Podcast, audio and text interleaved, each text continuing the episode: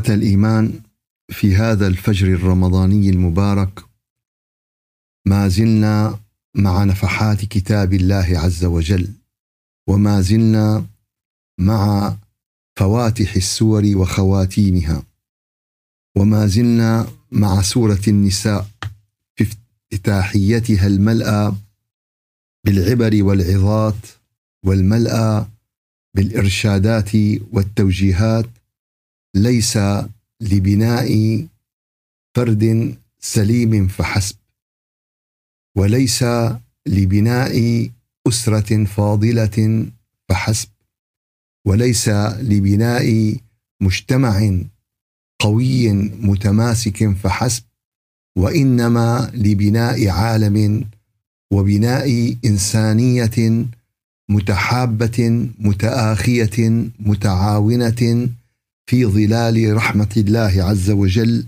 وتوجيهاته.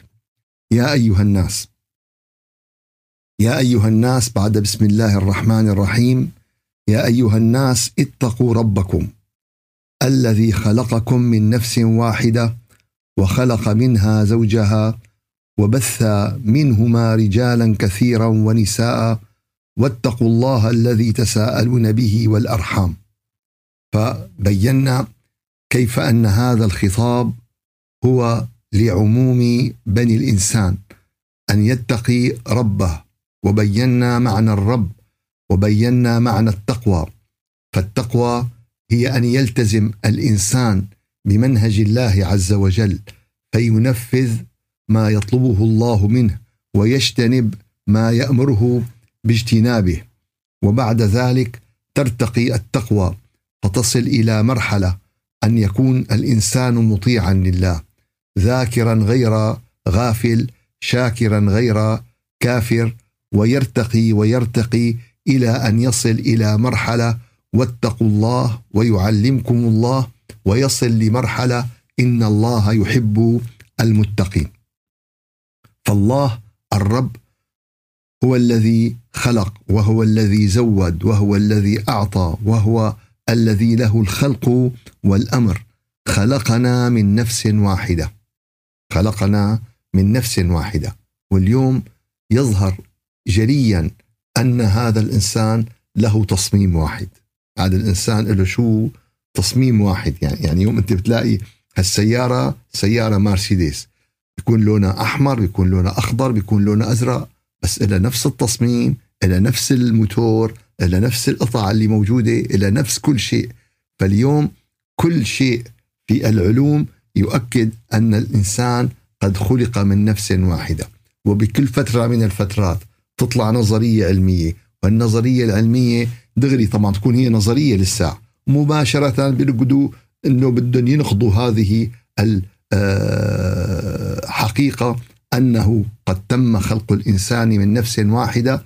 وبعد ذلك يظهر اكتشاف علمي ساحق لا يدع مجالا للشك إنه يا أخي طولوا بالكم في هندسة وراثية في صبغيات هي التي موجود فيها المعلومات عن خلق الإنسان. فخلق الإنسان عملية كبيرة جدا الحقيقة. خلق الإنسان قضية يتوقف عندها. ولو أنصف العلماء الطبيعه اليوم. وأنصف علماء العلوم والأبحاث لقالوا إن الإنسان خلق من نفس واحدة. صدق الله صدق الله العظيم. فهذه اليوم الحقيقة العلمية قد ما تظهر للطفل وتظهر لنفس التصميم نفس ال... والشيء المستغرب. يعني هالصدف وهالكذا. طيب ليش ما صارت حوالينا ملايين الكواكب؟ ليش ما صارت هالصدف؟ نصها ربعة تلتة بهالكوكب بهالكوكب ففقط هذا الكوكب الذي استخلف الله عليه الإنسان وهيأه وزوده ونظمه باسمه الرب وأعطاه كل ما يلزم وأنزل له المطر وإلى آخر هذه القضايا التي لا تنتهي وإن تعدوا نعمة الله لا تحصوها. فخلقكم من نفس واحدة وخلق منها زوجها. وبث منهما رجالا كثيرا ونساء. الحقيقة إلى إلى اليوم إلى اليوم يا أحبابنا ما استطاع الإنسان أن يصل إلى هذه الآلية التي ذكرها رب العالمين في هذه المقدمة. من نفس واحدة وبث منهما رجالا وخلق منها زوجها وبث منهما رجالا كثيرا ونساء. إذا جبنا سيارتين وحطيناهم ببستان نرجع بعد 20 سنة قديش بنلاقيهم سيارتين بعد 100 سنة سيارتين بنلاقيهم مصديين ومهتريين وخربانين. بينما البني آدم لا اليوم من نفس واحدة في اليوم 7 مليار وكمالي بعد 7 مليار. في 7 مليار. شو هالنظام هذا الهائل؟ شو هالنظام؟ تصور تحط آه، ليرتين ذهب جنب بعضهم ترجع بعد سنة تلاقيهم صاروا ثلاثة وصاروا أربعة وصاروا خمسة وصاروا عشرة. يا سلام. شو؟ ما, ما اكتشف الإنسان في الجمادات وفي أما في خلق الله فهو موجود. في خلق الله فهو موجود. وبث منهما رجالا كثيرا ونساء ولذلك نشأت المجتمعات نشأت العلاقات نشأت الأسر. فقال واتقوا الله الذي تساءلون به والأرحام. فبده يتم تقوى الله عز وجل بإيش هون؟ بقضية محددة. بقضية أساسية. بقضية على عليها بناء المجتمع التي هي صلة الرحم. وصلة الرحم هي قضية أساسية في الإسلام. وهي من الوسائل العظيمة للتقرب من الله ذي الجلال والإكرام. والأمر بصلة الرحم والامتثال لهذا الأمر واضح وجلي في الآيات القرآنية وفي الأحاديث النبوية. يعني قضية صلة الرحم هي قضية اليوم أساسية ومصيرية أكد عليها الإسلام أكد عليها القرآن أكد عليها هدي النبي صلى الله عليه وسلم وهدي وهدي الأنبياء. لذلك آه، الحقيقة أن هذا الأمر مع مضي الوقت وتقدم المجتمعات أصبح ينحسر شيئا فشيئا فشيئا فشيئا وأصبح في المجتمعات المتقدمه ماديا المتقدمه ماديا يكاد ينتهي هذا الأمر. ليش؟ لأن طبعا كل ما يدعو إليه الرحمن يدعو لخلافه الشيطان بغض النظر إنه هذا مفيد ولا مو مفيد ولا منيح ولا كل ما يدعو إليه الرحمن يدعو بخلافه الشيطان.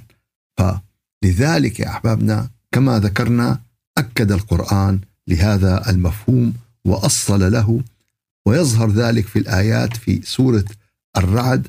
قال تعالى والذين يصلون ما أمر الله به أن يوصل بيوصف رب العالمين المؤمنين ويخشون ربهم ويخافون سوء الحساب. فهذول شو صفتهم المؤمنين؟ شو صفتهم الصالحين؟ قال يصلون ما أمر الله به أن يوصل. وقد أمر الله بصلة الرحم.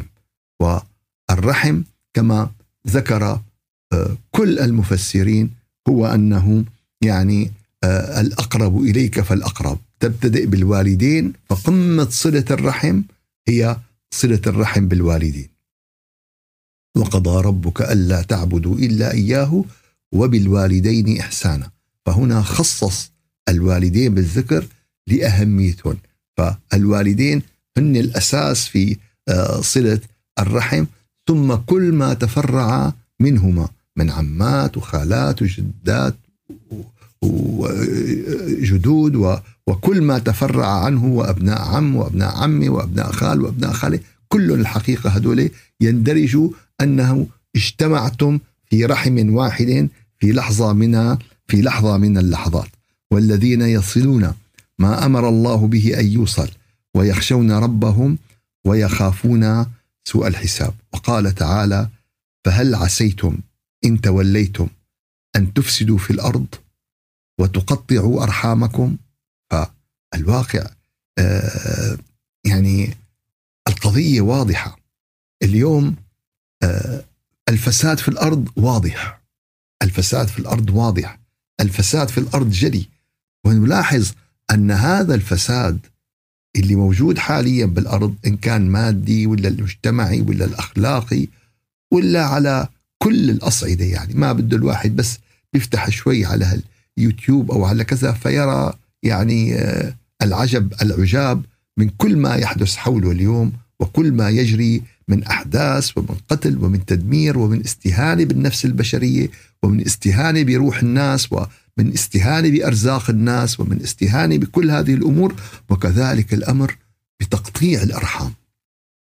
فتجد أن كل الوسائل اليوم ليست لدعم صلة الرحم وإنما هي لتقطيع الرحم وللأسف الشديد للأسف الشديد أن هذا الأمر لا يتوقف بس على البلدان المتقدمة. لا.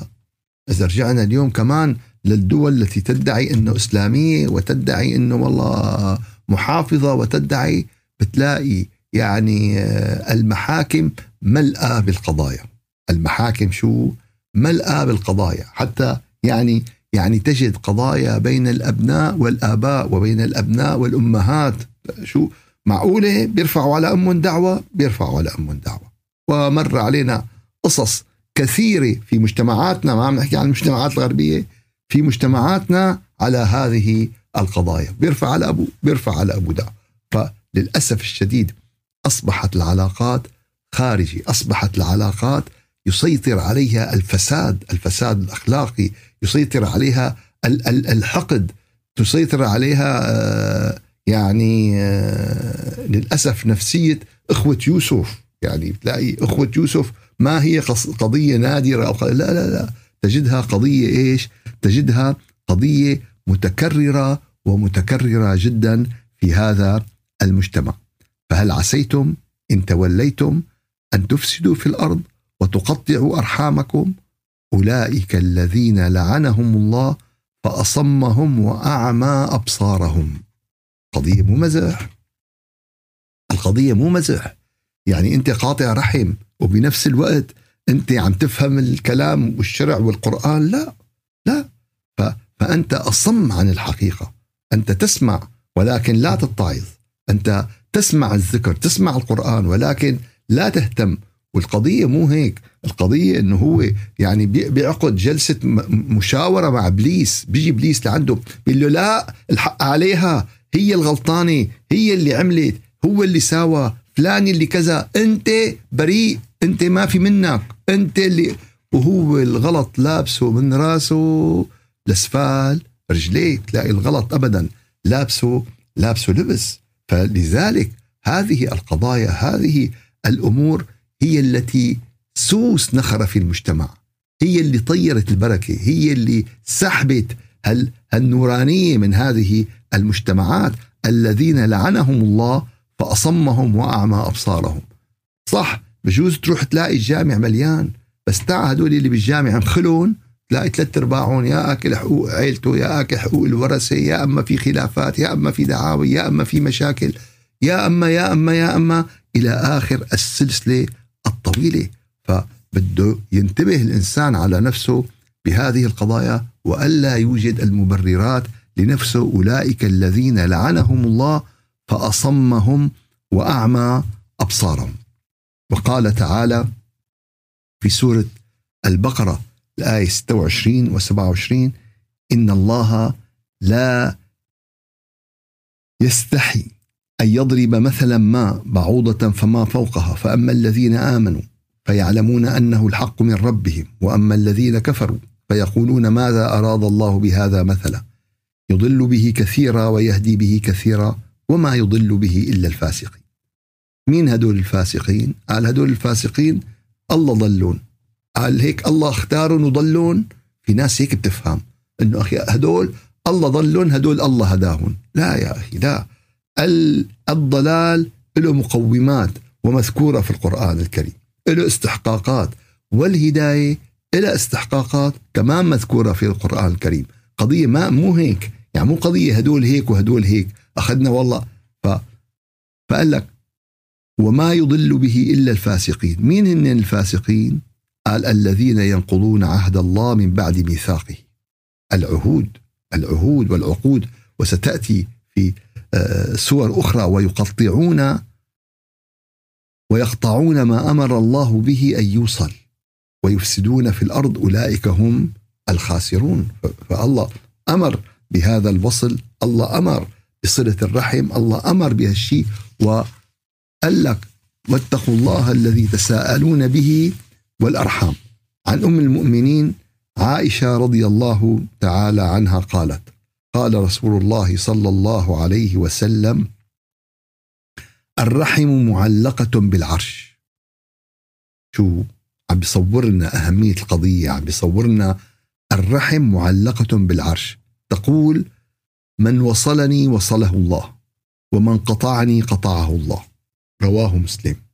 فتصور هال هال الحالة التصويرية الهائلة. طبعا القضية القضية تشبيهية القضية تمثيلية لتبيان أهمية هذه الصلة. الرحم معلقة بالعرش. تقول من وصلني وصله الله. اللي بيوصلني الله بيوصله. ومن قطعني قطعه الله.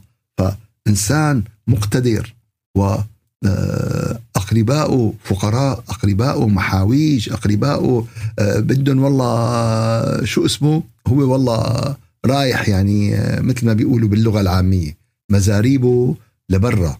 مزاريبه شو؟ كل خيره لبرا. لا الأقربون أولى بالمعروف. الأقربون أولى بالمعروف. فأول شيء بينظر الإنسان إلى أرحامه بينظر الإنسان إلى الناس اللي له صلة فيها له علاقة فيها. وعن أبي هريرة رضي الله عنه بمعنى شبيه لهذا الحديث. قال رسول الله صلى الله عليه وسلم إن الله خلق الخلق حتى إذا فرغ من خلقه. قالت الرحم هذا مقام العائذ بك من القطيعة. هذا المقام العائذ فيه من القطيعة. قال نعم. أما ترضين أن أصل من وصلك وأقطع من قطعك؟ قالت بلى يا رب. قال فهو لك. قال رسول الله صلى الله عليه وسلم فاقرأوا إن شئتم فهل عسيتم إن توليتم أن تفسدوا في الأرض وتقطعوا أرحامكم؟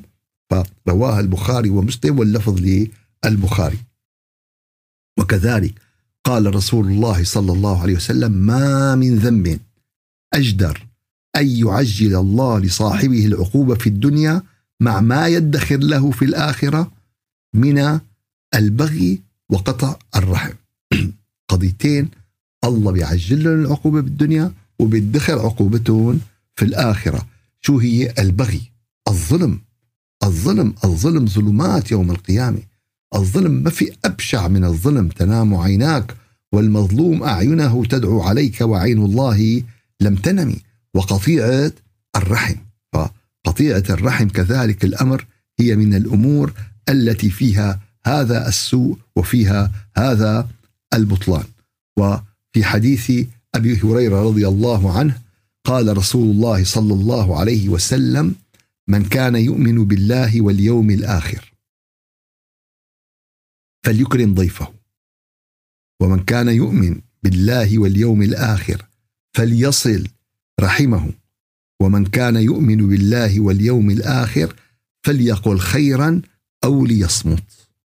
الله أكبر. نصائح بمنتهى الروعة. نصائح ذهبية لكل إنسان من كان يؤمن بالله واليوم الآخر فليكرم ضيفه.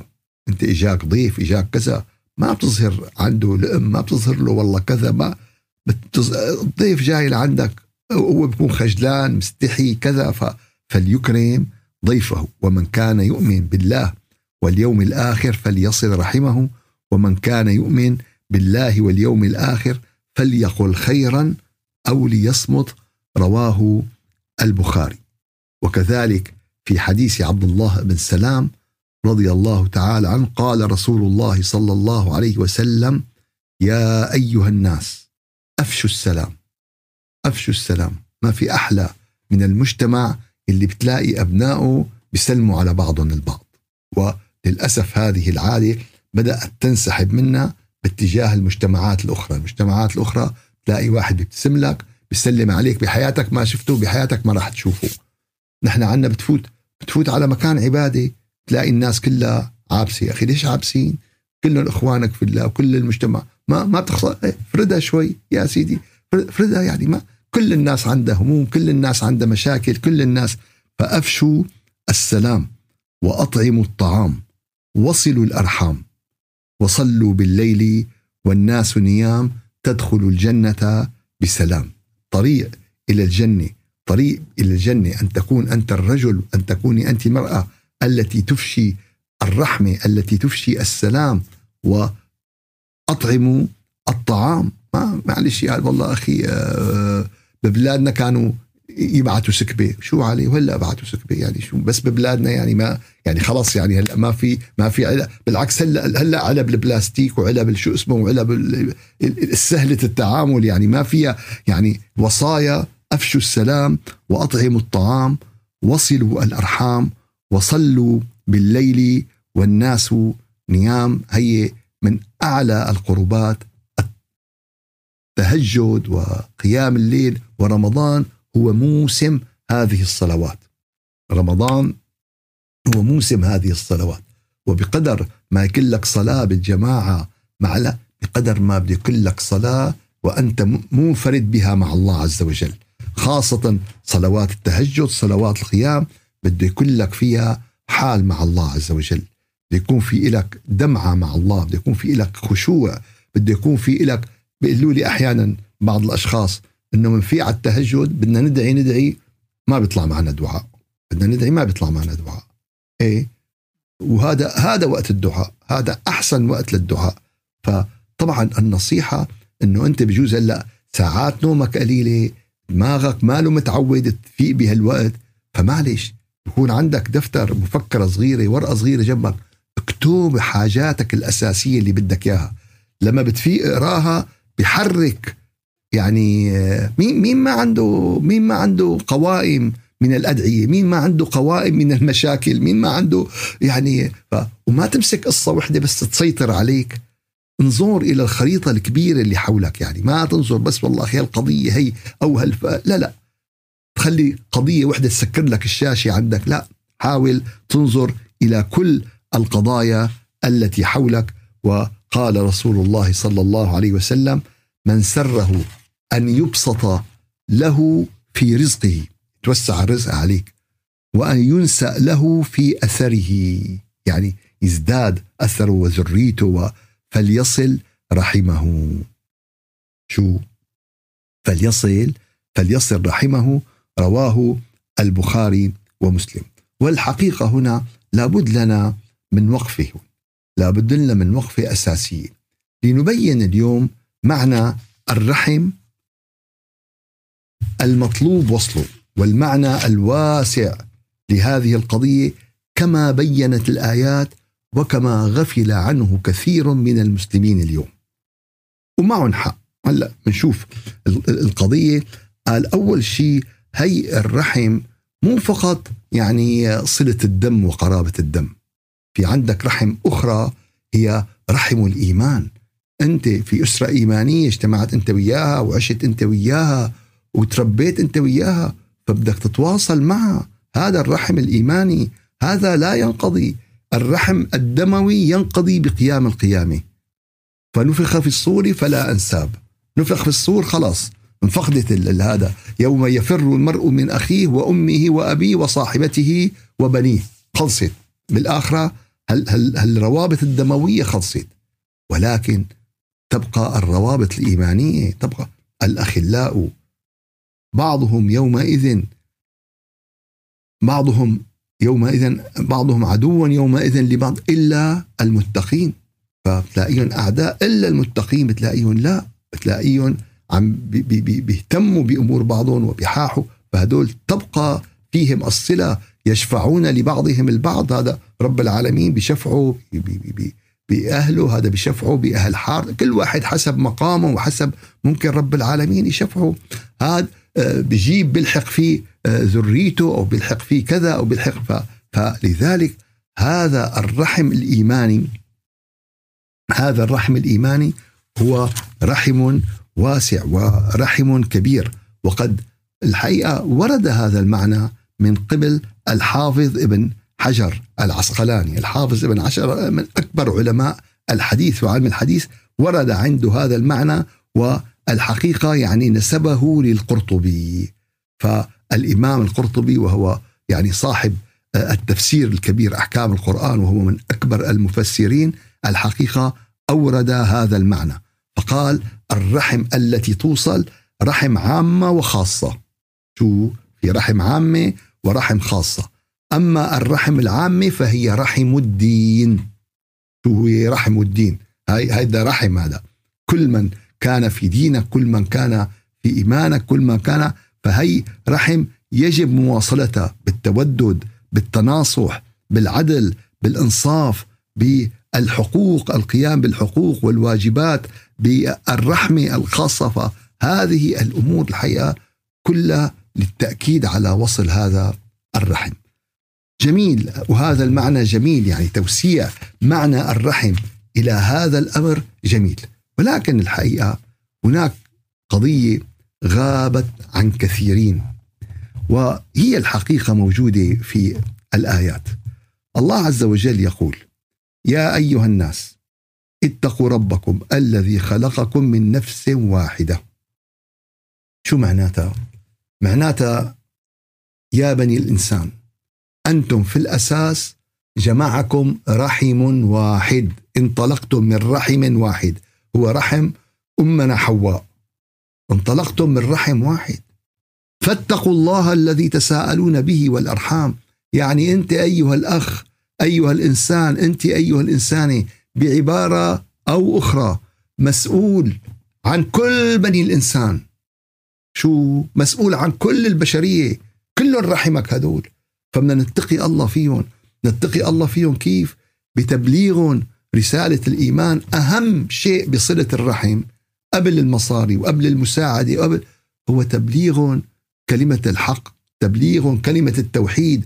تصور واحد من أقربائك ويموت على غير الإيمان ويموت على غير الإسلام. قال طيب يا أخي بذل جهدي شو بدي أعمل؟ برافو عليك. تدعي تبذل جهدك لا يكلف الله نفسا إلا وسعها. يعني هلأ لعل البعض يقول طيب يا شيخ طيب في ناس يا أخي عم بيأسوا كتير وعم بكذا. نحن اليوم عم نحكي الإطار العام. القضايا الخاصة تعطى خصوصيتها. يعني كل واحد بيطرح قضيته الخاصة. في اليوم بالشرع إطار عام وإطار خاص وهذا الشيء بدنا نفهمه. اليوم الطبيب بيطلع بيلقي محاضرة عن شيء معين. مو معناتها أنه يعني خلص لا هي محاضرة عامة. أما المريض فبيسأل الطبيب أنا حالتي هيك هيك هيك هيك. فشو بدي ساوي فيها؟ فاليوم كتير لازم ننتبه على شيء اسمه خطاب ديني عام وحالة خاصة مشكلة خاصة قضية خاصة. يا أخي أنا عندي أخ عم بيأذيني عم بكذا عم بكذا شلون بدي تع... هي قصة ثانية هي قصة ثانية أما هون الحقيقة ما أشارت إليه الآيات وهذه الإشارة إشارة واضحة أنك أيها الإنسان أنت مسؤول عن كل الرحم أنت مسؤول عن العائلة الإنسانية. وهكذا أسس وأكد القرآن الكريم على العائلة الإنسانية. يعني هون ما قال لك الأرحام بس لا, لا. طبعا الأقرب فالأقرب فالأقرب فالأقرب حتى يشمل هذا كل بني الإنسان. فالإنسان المؤمن الإنسان المسلم الإنسان المؤمن بكتاب الله عز وجل ينظر إلى بني الإنسان على أنه كلهم عائلة واحدة. على أنه كل عائلة واحدة. فيفعل الخير ما استطاع إلى ذلك سبيلا. طبعا بالعقل بالحكمة آه، يعرف شو عم بيساوي. مو إنه طالما عم بيساوي خير بدون أي ضرر بدون ما يجيب له أي إشكال بدون فهو مطلوب منه أن يعمل هذا الخير. فبهذا المفهوم الحقيقة تنقلب الأرض إلى جنة في الدنيا قبل الآخرة. بس إذا اليوم المسلمين فهموا معنى هذه الآية خلقكم من نفس واحدة واتقوا الله الذي تساءلون به والأرحام. الحقيقة كل التفاسير بينت أن الأرحام العم الأم ما تطرقت إلى هذا المفهوم ما وجدت هذا التفسير إلا عند مفسر واحد بالحقيقة. مفسر واحد فقط أعطى هذا المعنى وهو مفسر معاصر يا أيها الذين يا أيها الناس اتقوا ربكم الذي خلقكم من نفس واحدة وخلق منها زوجها وبث منهما رجالا كثيرا ونساء واتقوا الله الذي تساءلون به والأرحام. إن الله كان عليكم رقيبا. ما حدا يخطر بباله ما حدا يقول ما الله عز وجل رقيب عليكم. الله عز وجل شايف أموركم. الله عز وجل يرى يعني خائنة الأعين وما تخفي الصدور. ولقد خلقنا الإنسان ونعلم ما توسوس به نفسه ونحن أقرب إليه من حبل الوريد. فإذ يتلقى المتلقيان عن اليمين وعن الشمال قعيد ما يلفظ من قول إلا لديه رقيب عتيد.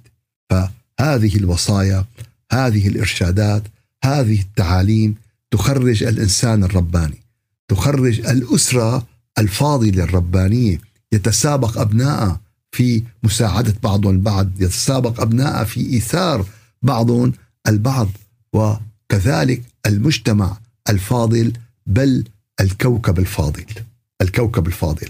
القرآن الكريم دعوة لبني الإنسان لجعل هذا الكوكب كوكبا فاضلا. والله عز وجل حذرنا قال في مين بده يجعل هذا الكوكب بالآخير يعني آه، مصيبة. بده يجعله شو؟ مصيبة. ف أي أين بتلحقوا؟ لا تتبعوا خطوات الشيطان. كنت تتبعوا خطوات الشيطان هذا الكوكب راح أما كنت تتبعوا هدي الرحمن وهدي القرآن فيحصل هذا الكوكب الفاضل وهذا المجتمع الفاضل وهذا الإنسان الفاضل. سبحان ربك رب العزة عما يصفون. وسلام على المرسلين والحمد لله رب العالمين إلى شرف النبي وأرواح المؤمنين الفاتحة. أعوذ بالله من الشيطان الرجيم، بسم الله الرحمن الرحيم.